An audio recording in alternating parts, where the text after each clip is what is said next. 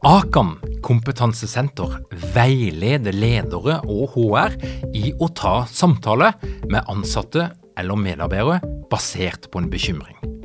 Akan setter ledere og medarbeidere i stand til å forebygge og håndtere en problematisk bruk av alkohol, narkotika, legemidler, spill eller doping blant ansatte. Ønsker du å lære mer om god forebygging og gjennomføring av samtale med en som du er bekymra for?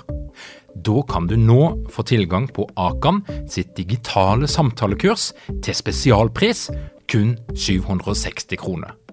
Målet med kurset er å gjøre deg tryggere i det som kan være en krevende, men viktig samtale å ta i lederrollen. Du får tilgang til kurset med å gå til samtalekurs.no, samtalekurs.no, og bruke kampanjekoden LEDERPODDEN. Tilbudet gjelder ut april. Det nærmer seg vår masterclass i den vanskelige samtalen. Masterclassen den skal gi deg alt du trenger å vite om henne grensa gjenger for hva som er akseptabel oppførsel på en norsk arbeidsplass i 2021. I tillegg så skal du lære teknikkene og metodene som gjør at du kan gjennomføre en profesjonell samtale som skaper best mulig forutsetninger for at du får den endringa som du ønsker, og som òg tåler å bli juridisk etterprøvd. Masterklassen den er med Svein Tore Bergestuen, medforfatter av Den profesjonelle samtalen, og meg sjøl, Tor Åge Eikerapen, og du melder deg på på vanskeligesamtaler.no. Vanskeligesamtaler.no.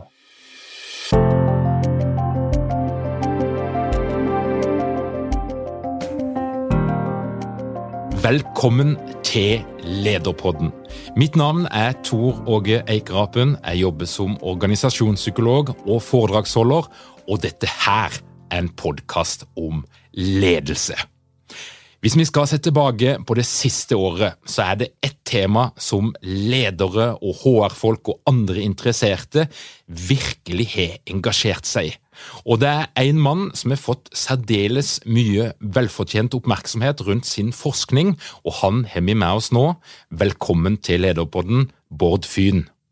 Tusen takk for det, Torge. Veldig kjekt å bli invitert. Du er altså en forsker med bakgrunn fra Forsvaret. Du har vært 15 år i Forsvaret, og du bestemte deg for i 2017 å gå inn i det feltet som vi nå kjenner som psykologisk trygghet. Og når vi da kikker litt sånn tilbake, og spesielt de av oss som er litt aktive på LinkedIn og ser på den der massive delinga alt som har å gjøre med dette her temaet, og der ditt navn dukker opp veldig ofte, så må jeg jo spørre deg, Bård, hvor lei er du nå av psykologisk trygghet? Nei, nå er jeg møkka lei, så nå håper jeg at vi finner noe annet eh, Nå håper vi finner en annen oppskrift på gode timer. Oi, oi. Nei, det er, det er jo selvfølgelig med et, med et, glimt i øyet, hvis det går an å ha på en podkast og si det. Men, eh, men det, nei da, det, det, er jo litt blanda følelser altså, når, det blir så, når det blir så mye fokus på det. Jeg syns det på en måte er kjempegøy. Eh, men som, som, som, også er viktig for meg, er at vi, vi sånn, skal være litt sånn sunt kritiske også til hva vi tar til oss. Det, det er jo liksom mitt hovedbudskap, uansett hva jeg foreleser om også. Eh, jeg vil at studentene skal liksom ikke sluke det jeg sier. Tenk selv. Tenk hva betyr dette for meg? Hvordan kan jeg anvende dette i mitt liv? Om det handler om psykologisk trygghet eller ledelse eller uansett. Eh, det, det perspektivet ønsker vi skal ha med. Så, så, det håper jeg jo at eh, folk også når de hører meg snakke om psykologisk trygghet, og det er selvfølgelig veldig kjekt at folk viser interesse i det, også har med seg. da. Men når du ser ut på, på landskapet, hva er det folk misforstår? For det at Psykologisk trygghet er jo noe som vi intuitivt kan tenke ja, men selvsagt, ja, vi må være trygge. Og så er det jo noe litt mer avansert. Men vi ser jo at det er en del mennesker som gjør noen feilkoblinger. Og, og at det er en del misforståelse knytta til hva er det egentlig vi snakker om her?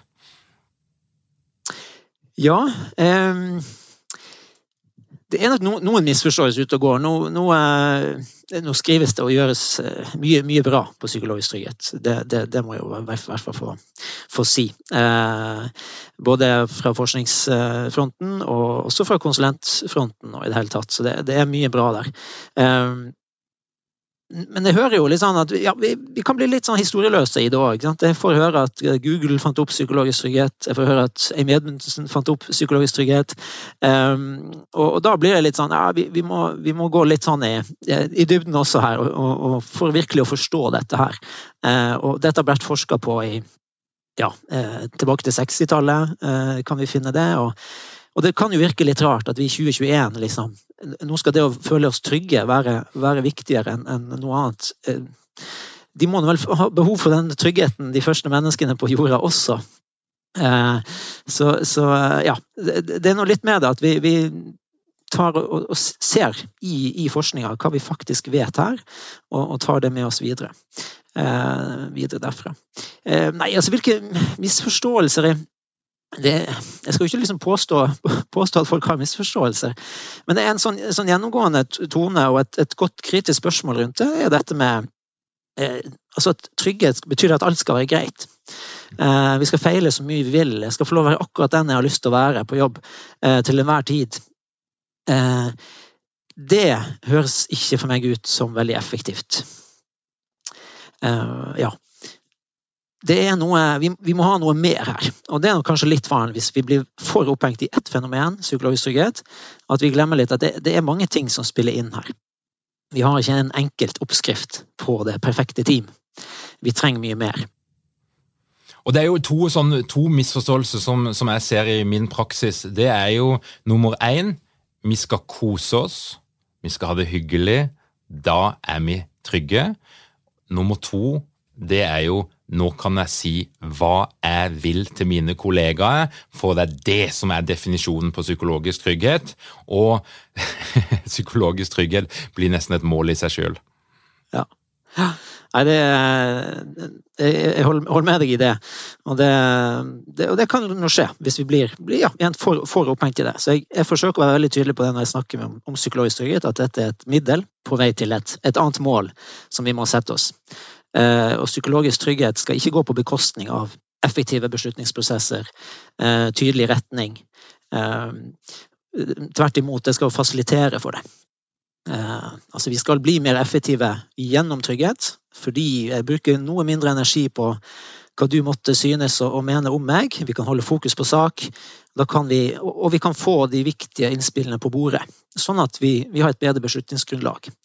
Eh, så her ligger det noen effektivitetsargumenter, men, men de blir ikke realisert hvis, hvis, trygghet blir målet i seg selv. For Hvis jeg blir for opptatt av det, så, så kan det virke mot sin hensikt. sant? Nei, jeg må ikke, sant, nå, jeg må ikke ødelegge Torget sin trygghet nå, så nå, nå, må jeg liksom sant?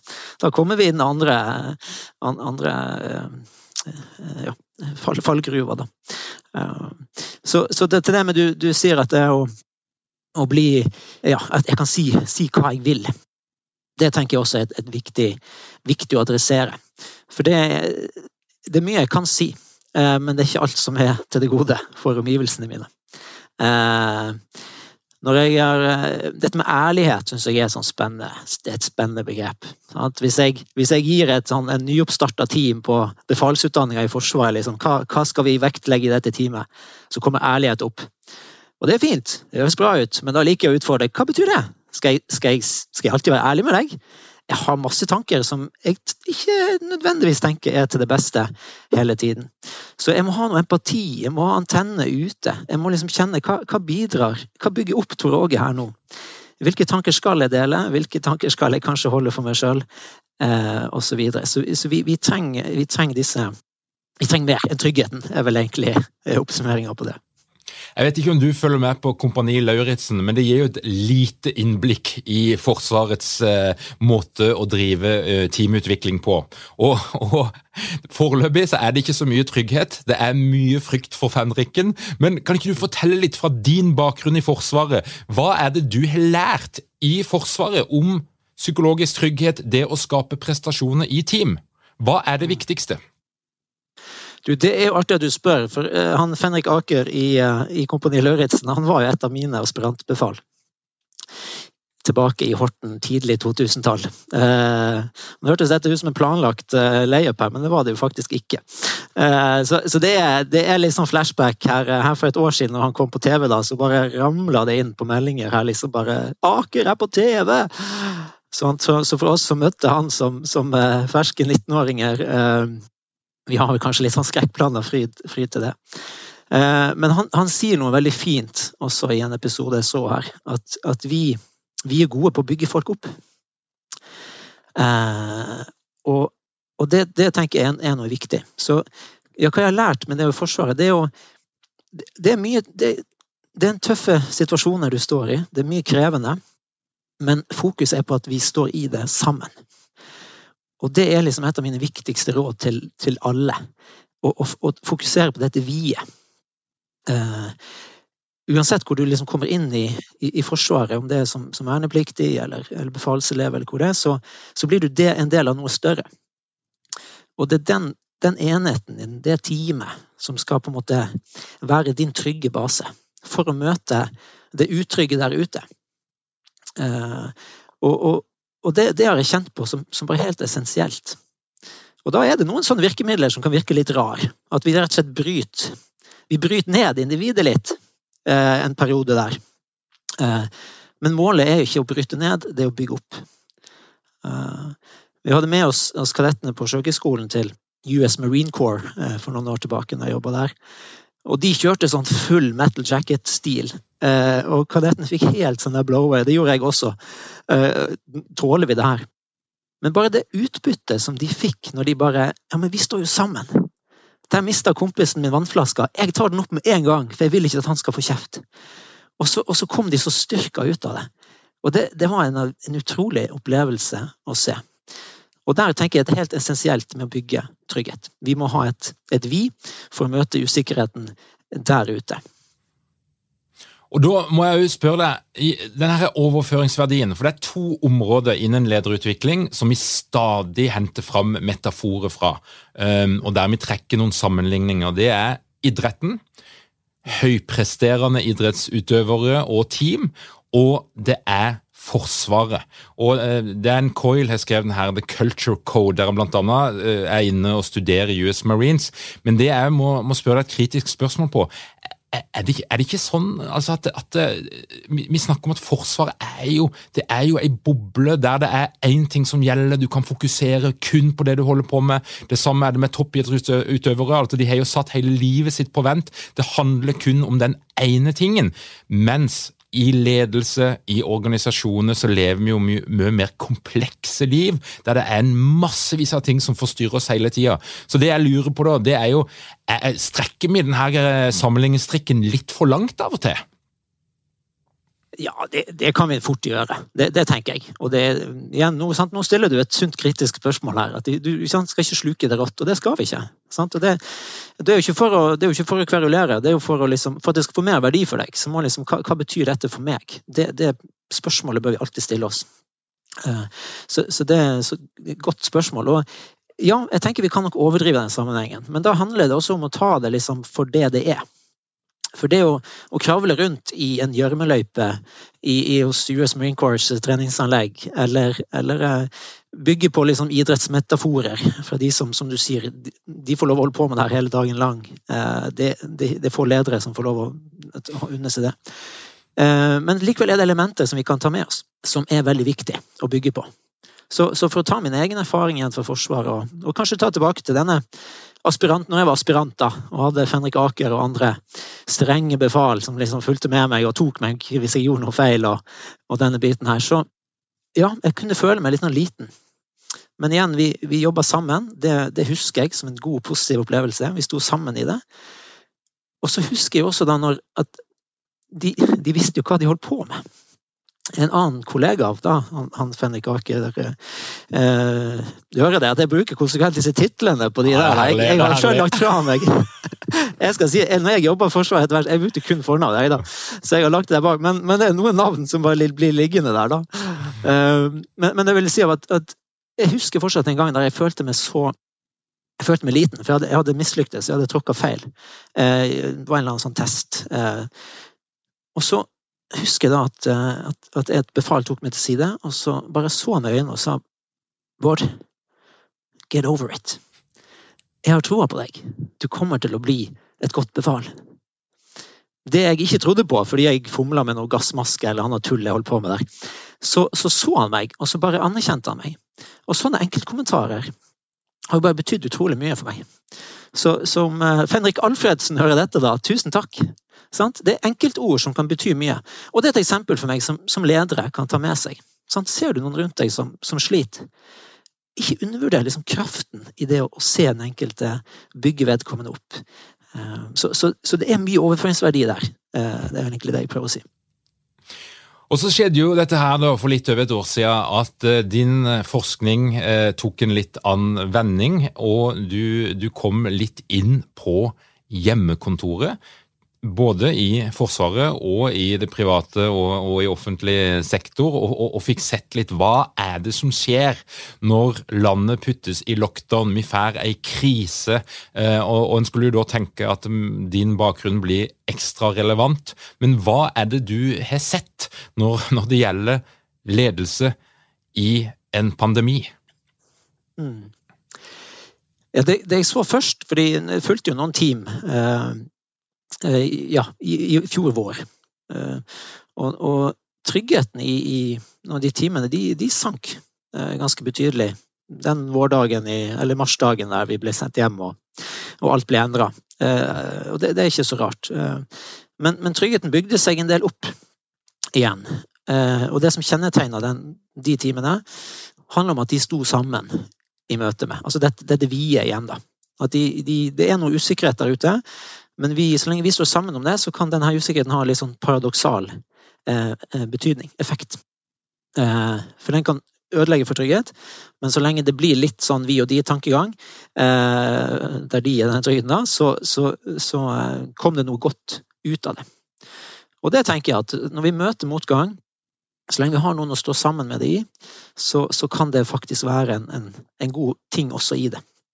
Eh, Ellers, hva har, vi, hva har vi lært om ledelse? Gjennom forskninga, da, bare for, liksom, å holde meg til det og ikke liksom synse for mye her, men eh, så ser vi bl.a. betydningen av eh, å skape forutsigbarhet fra ledere. Det har vært kjempeviktig.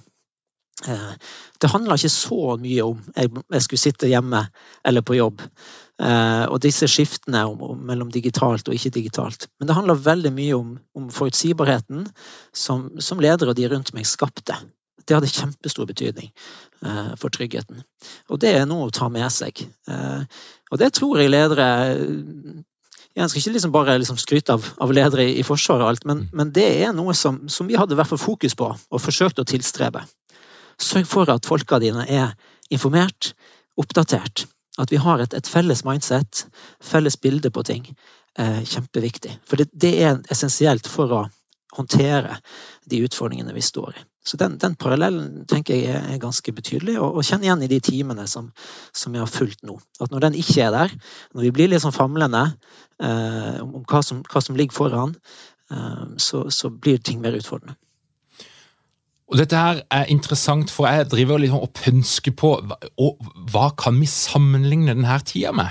Og, og, jeg vil jo si at I militæret så er en jo litt på dette her med uforutsigbarhet. Altså Det er en del av ramma for mye av arbeidet, at du skal jobbe under uforutsigbare forhold. Og Hvis det er noe som preger våre dager akkurat nå, så er det jo at du vet ingenting om morgendagen. Altså Fra før av så har vi en illusjon om forutsigbarhet. I februar 2020 så hadde vi en illusjon om forutsigbarhet. Uh, eh, Uventa ting kan alltid skje, men vi sitter alle med den illusjonen, og den hjelper oss gjennom dagene. Og så lever vi nå i en situasjon der det er helt åpenbart at du vet ikke hvor du skal på sommerferie. Du vet ikke om du kan arrangere den 40- eller 50-årsdagen. Og dette her tar vi oss med inn, inn, i, uh, inn, i, arbeidslivet. Og det du snakker om nå, det, det handler jo egentlig om å lede på en måte der du skaper forutsigbarhet i det uforutsigbare. Mm. Mm. Og hva er det de lederne gjør som skaper den illusjonen, opplevelsen av forutsigbarhet for sine folk? Mm. Nei, kjempegodt spørsmål. Ja, det er jo, jeg må jo bare skyte inn her at vi skal jo, Min far blir 70 på søndag, og det blir jo en digital bursdagsfest. Det er jo ganske absurd å tenke på. Men vi skal nå gjøre det beste, beste ut av det også, som vi er vant med, vant med å gjøre. Du, hva gjør, eh, hva gjør de lederne? Jeg tror mye handler om at de, de ser eh, den enkelte. Eh, så, så, så lett, men så vanskelig. Men, men, ved å se den enkelte og bygge opp en sånn en følelse hos deg av at, av at ditt bidrag betyr noe. Du, du, kjenner deg som en betydelig del av det teamet, av den organisasjonen. Så, så, så tåler du eh, Du tåler selv usikkerhet mye bedre. Og, og, du bidrar også kanskje bedre inn i, eh, i organisasjonen. Det er litt sånn min når jeg forsøker å navigere i liksom, alle disse ledelsesteoriene og sånt. Skal jeg oppsummere det med ett ord, så har jeg liksom gjort det med, med eierskap. Det å bygge eierskapsfølelse hos de du leder. Eh, og, og, det ser jeg mer enn noen gang aktuelt og viktig nå i, i møte med den usikkerheten. Eh, så, så det, det, tror jeg er noe essensielt med, med ledere som, som, klarer å håndtere det. Eh, han, en, eh, Forsvarssjefen, general Erik Kristoffersen, han han fokuserte etter med at, sa det sånn at han ville ha, han ville ha lojalitet. Han ville ikke ha lydighet. Og Det høres ut som en fin bestilling. I det så legger han altså Dere mange ledere uten trening eller utdannelse innen ledelse? Mangler dykken en felles kultur og praksis for ledelse? Ønsker dykken å være bedre rusta for fremtidig vekst og endring? Da kan et internt lederutviklingsprogram være en god investering. I Execu er vi eksperter på å designe og gjennomføre bedriftsinterne lederutviklingsprogram. Hvis du ønsker å lære mer om hvordan vi kan hjelpe dykken til å få enda bedre ledere, ta og klikk deg inn på execu.no.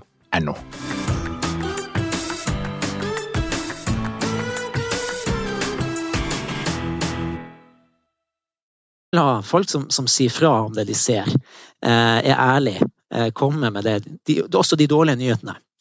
Eh, for det, det, trenger vi for å håndtere usikkerheten der ute. Men det er klart, det er jo ikke noe vi bare kan bestille. Da må vi jo ha denne tryggheten, da. Der kom den inn i bunn. At jeg som leder har, før Eh, dette her skjer, før jeg forventer at du skal komme med disse dårlige nyhetene, så har jeg bygd en, en trygg base av at jeg, jeg, ser deg og jeg bryr meg. Jeg har faktisk lyst til å høre på det du sier, og jeg kommer ikke til å ta deg eh, hvis du sier dette her. Eh, så, så, bygge denne trygge, eh, disse trygge støttende omgivelsene tenker jeg er essensielt for å skape den illusjonen om forutsigbarhet eller kontroll eh, der ute. Og blant de her eh, som du forsker på, hva, hva er det du ser når, når, det bommes grovt? Du skal ikke henge ut noen, men, men henne er det du ser at ledere i disse dager bommer mest? Det er når de forsøker å kontrollere mer enn de burde. Det er en, en kanskje, kanskje verste fella å gå i. Og det er jo litt sånn jeg si dumt, for det, det, ligger kanskje ganske naturlig i oss at når ting blir mer kaotisk og komplekst, så får vi lyst til å stramme til, øke kontrollen vår eh, på omgivelsene. Eh, for, for, å forsøke å skape ro i det for ens egen del, og, og kanskje velment for de rundt en. Men da mer enn noen gang så trenger vi jo denne, denne eierskapsfølelsen. For det er jo ikke jeg som leder som, som, som eh, har de nye, gode ideene for framtida.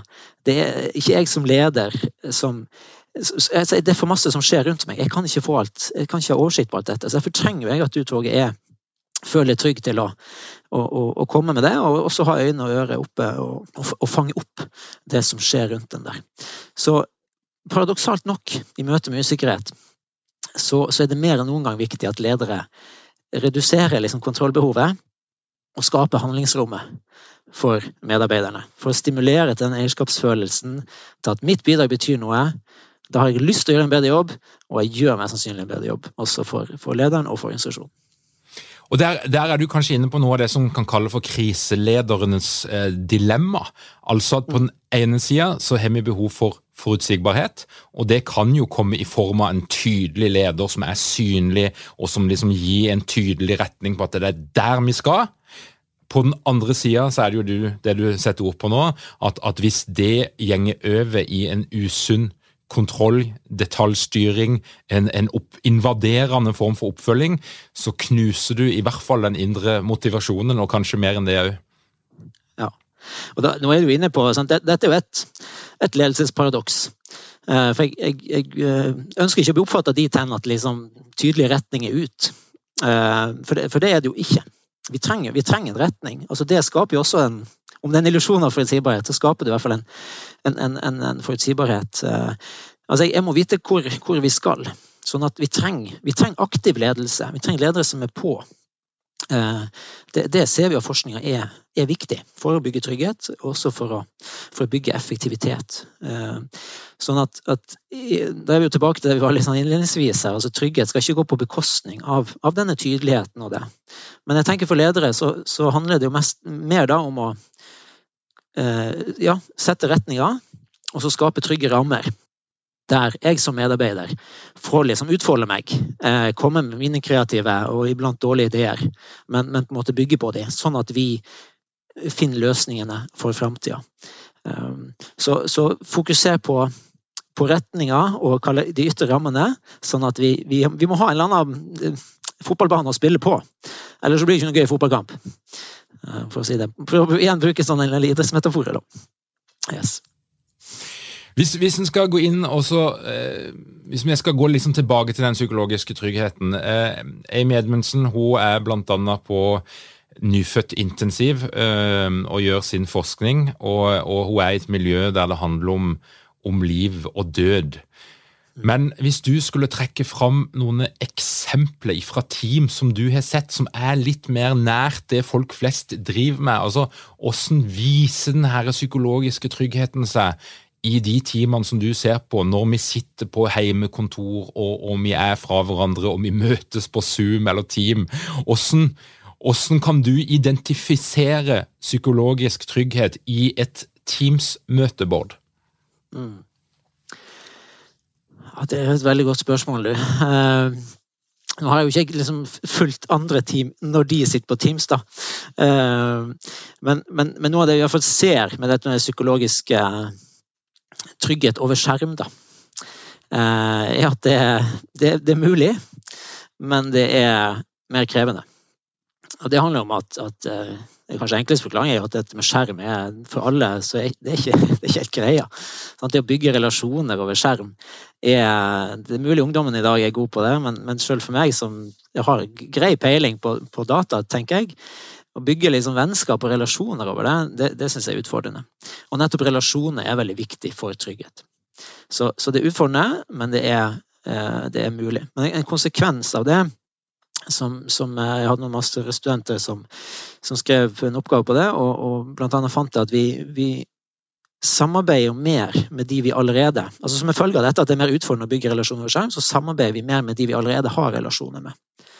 Uh, og, og så, mens de da kaller mindre gode relasjoner, eller svake relasjoner i teamet, de blir ytterligere svekka. Og det tenker jeg nå å ta på alvor. Uh, for det relaterte min forskning også før koronaen, så er det én ting som virkelig ødeleggende for trygghet i team, så er dette med subgrupper. Sant? Hvis jeg og du vi har gått på, har gått på NH, vi, så vi har jo litt mer peiling enn alle andre. sant? Eller et eller annet, altså, eller annen greie vi klarer å lage en liten subgruppe, altså en gruppe i gruppen av. Det er kjempehemmende. Det, det er, og, og, elementer av det finner vi, finner vi mange steder. Noen enkeltpersoner eller grupper av personer som karrer til seg ikke nødvendigvis med viten og vilje, men, men karer til seg litt mer makt enn de andre. Eh, og det ligger som en sånn, sånn, kniv å bare stikke inn i tryggheten i det teamet der. Eh, og som, som er, blir en elefant som vi ikke helt tør å, tør å, sette ord på. Så det tenker jeg nå å være ekstra bevisst eh, nå. Eh, spesielt under skjerm, men, men, også ellers for teamledere og, og andre. For det er vel, eh, Vi er jo i et litt mer uh, uoversiktlig landskap. altså Vi har jo ikke oversikt. Vi, vi, det er ikke transparent lenger. Hvem er det som snakker sammen? Hvem er det som møtes på arbeidsplassen? Hvem er deltaker i de her Teams-møtene? Hvis du er på en fysisk arbeidsplass, så kikker du inn i møterommet, du ser hvem som sitter der. Du ser at de er på vei inn der. Hei, jeg ble ikke invitert. Hvorfor gjorde jeg ikke det? Det som skjer nå, er jo at det er uoversiktlig. Og jeg ser jo òg en del eh, forskning som rapporterer om høyere grad av paranoia. Det er jo òg en del eh, eh, som har vært på banen med at kvinner eh, faktisk har vanskeligere med å komme til posisjoner nå. Av at det, det, det, er lettere å bli valgt vekk eller å ikke være der beslutninger blir tatt. Ja.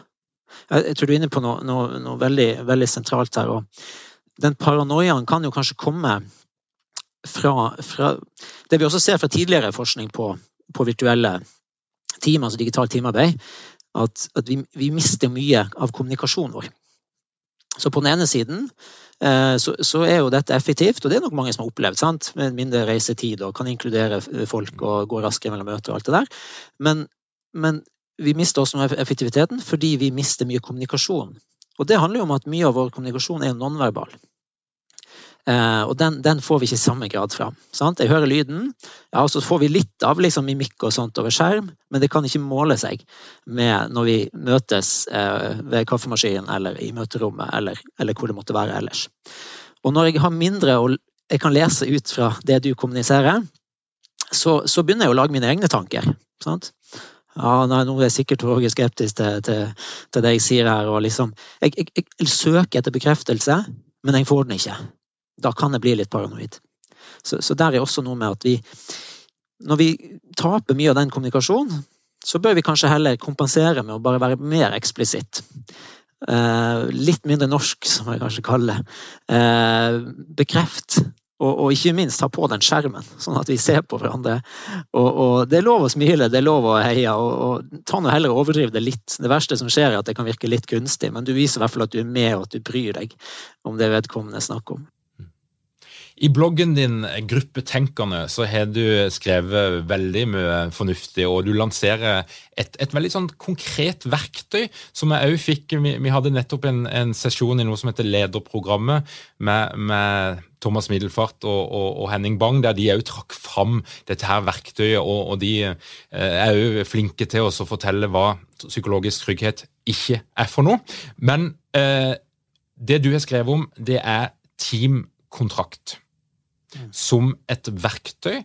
Praktisk, enkelt, noe alle kan gjøre.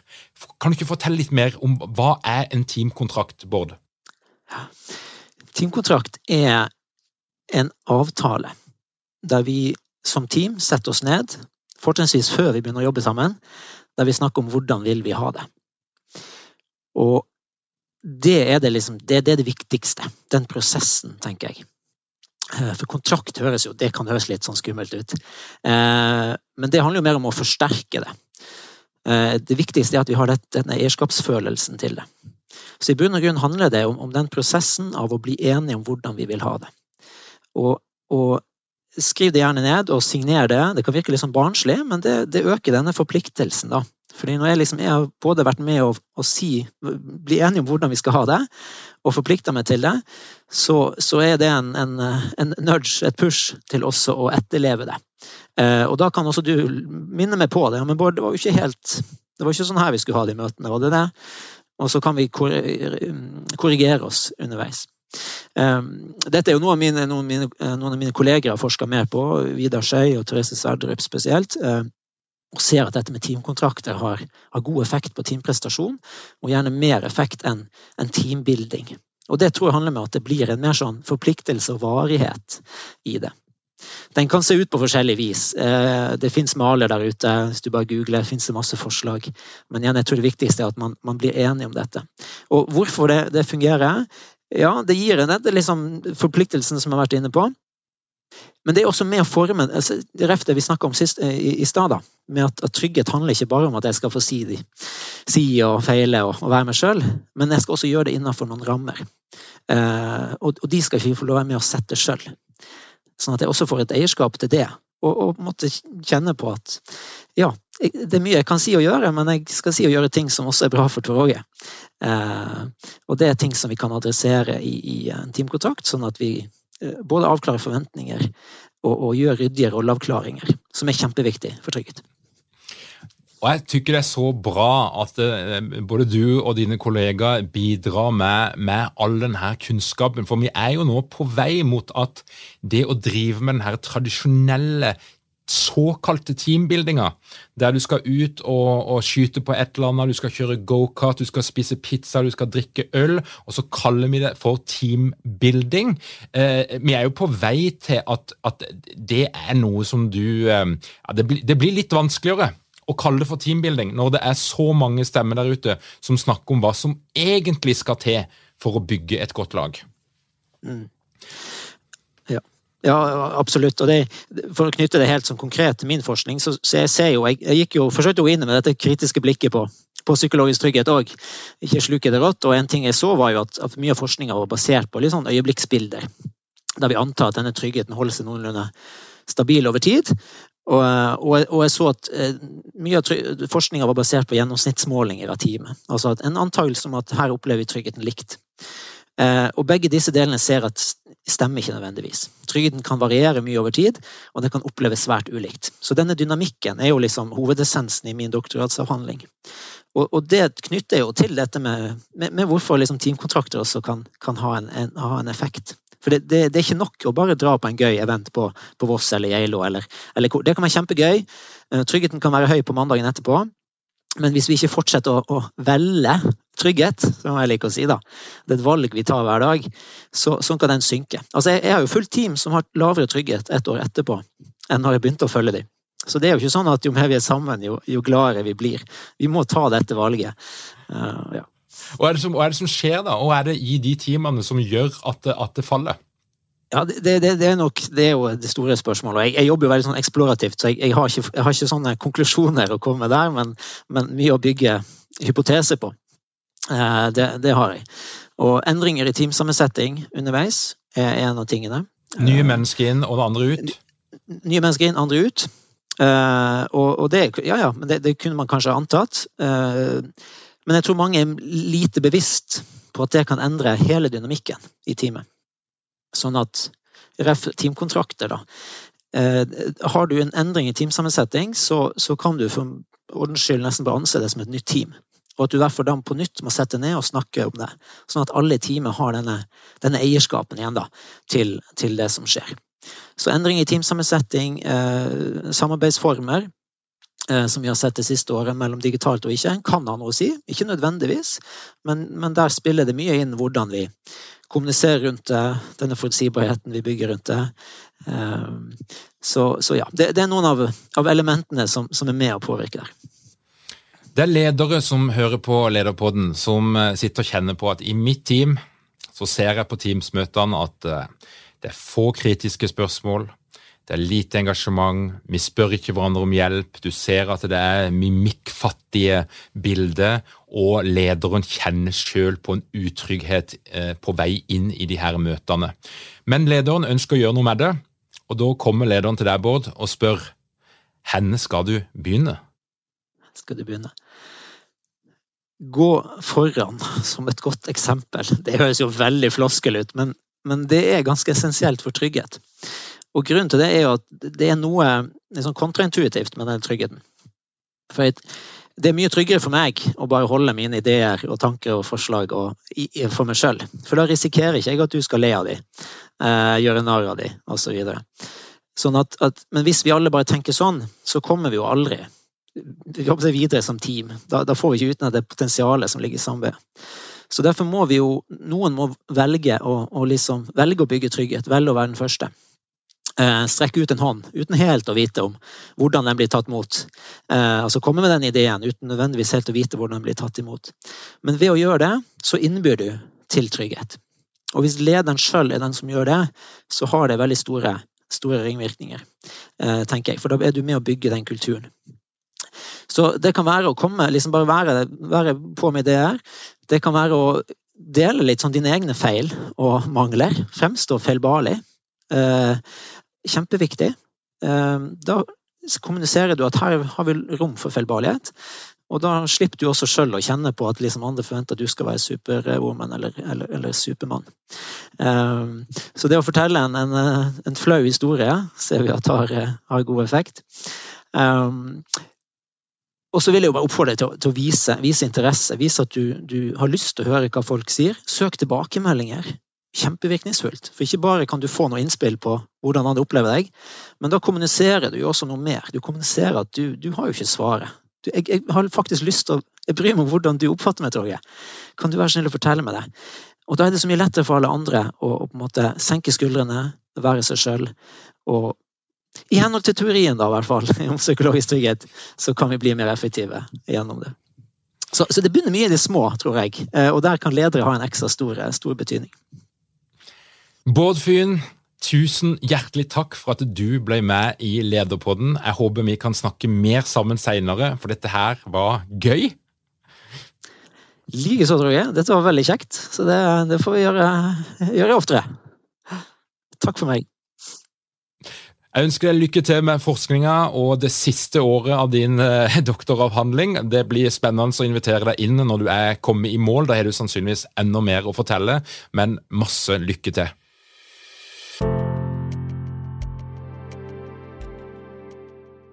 Hvis du ønsker å bli oppdatert hver gang vi gjør en livesending av våre podkastinnspillinger, så anbefaler jeg deg å gå inn på lederpodden .no og legg igjen din e-postadresse. Du finner oss òg på YouTube, og hvis du abonnerer på vår YouTube-kanal, så får du helt automatisk varsling med en gang vi er i gang å planlegge en livestreaming. Og veldig ofte så skjer det på relativt kort varsel, og vi er òg litt forsiktige med å spamme for mye, så hvis du skal være helt sikker på å alltid bli varsla når det gjelder våre livesendinger, så er det altså abonnere på vår YouTube-kanal Lederpodden som gjelder. Jeg ønsker deg ei riktig god uke, og jeg minner deg bare på at det nærmer seg vår masterclass i Den vanskelige samtalen. Og hvis du har lyst til å få med deg dette her, så bør du kjappe deg inn på vanskeligesamtaler.no. Vanskeligesamtaler.no. Tusen takk for at du hører på Lederpodden.